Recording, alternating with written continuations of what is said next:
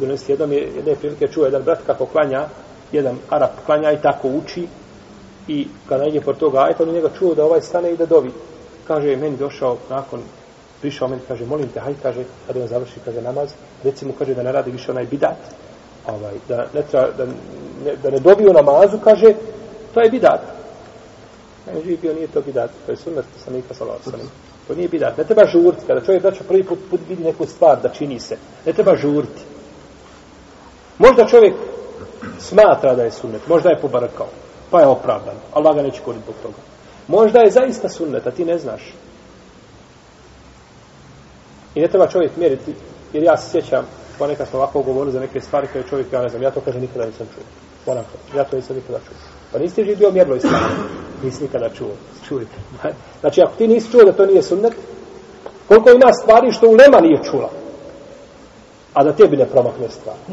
Tako da nemoj mjeriti po sebi, nego ako ne znaš, dođe živio i kažeš, e, vidio sam te radiš tako i tako živio, šta ti je dokaz za to i to i to?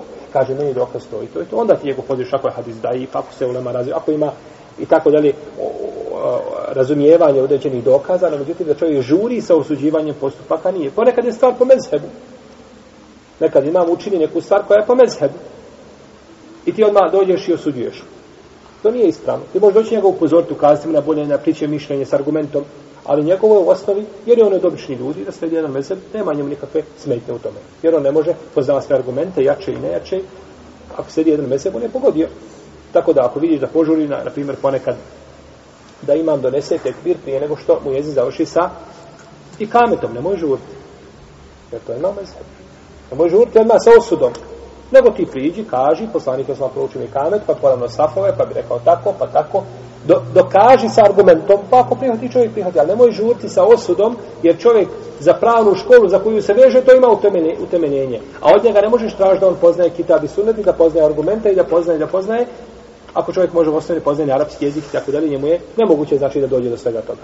Pa si ga opteretio nečim, čime, jer šta on ne može podnijeti. Pa stoga, braća, treba čovjek kada vidi stvar, ili da neko radi nešto. Vidi čovjeka diže ruke u namazu, digao semi Allahu limen hamide, Rabbena wa lakal hamd kazao dovu i polazi na seždu i opet diže ruke. Nemoj žurti sa ukorom. Pa ga vidiš između dvije sežde da diže ruke. Nemoj žurti sa ukorom. Pa kaže, ja to nikada nisam vidio. Nisi vidio, nemoj žurti. Dođe priđu pa kaže, šta je dokaz tako da? Pa će reći, e ima taj taj alim koji je rekao da ima hadis o tome i tome. On je sebe već djelomično šta?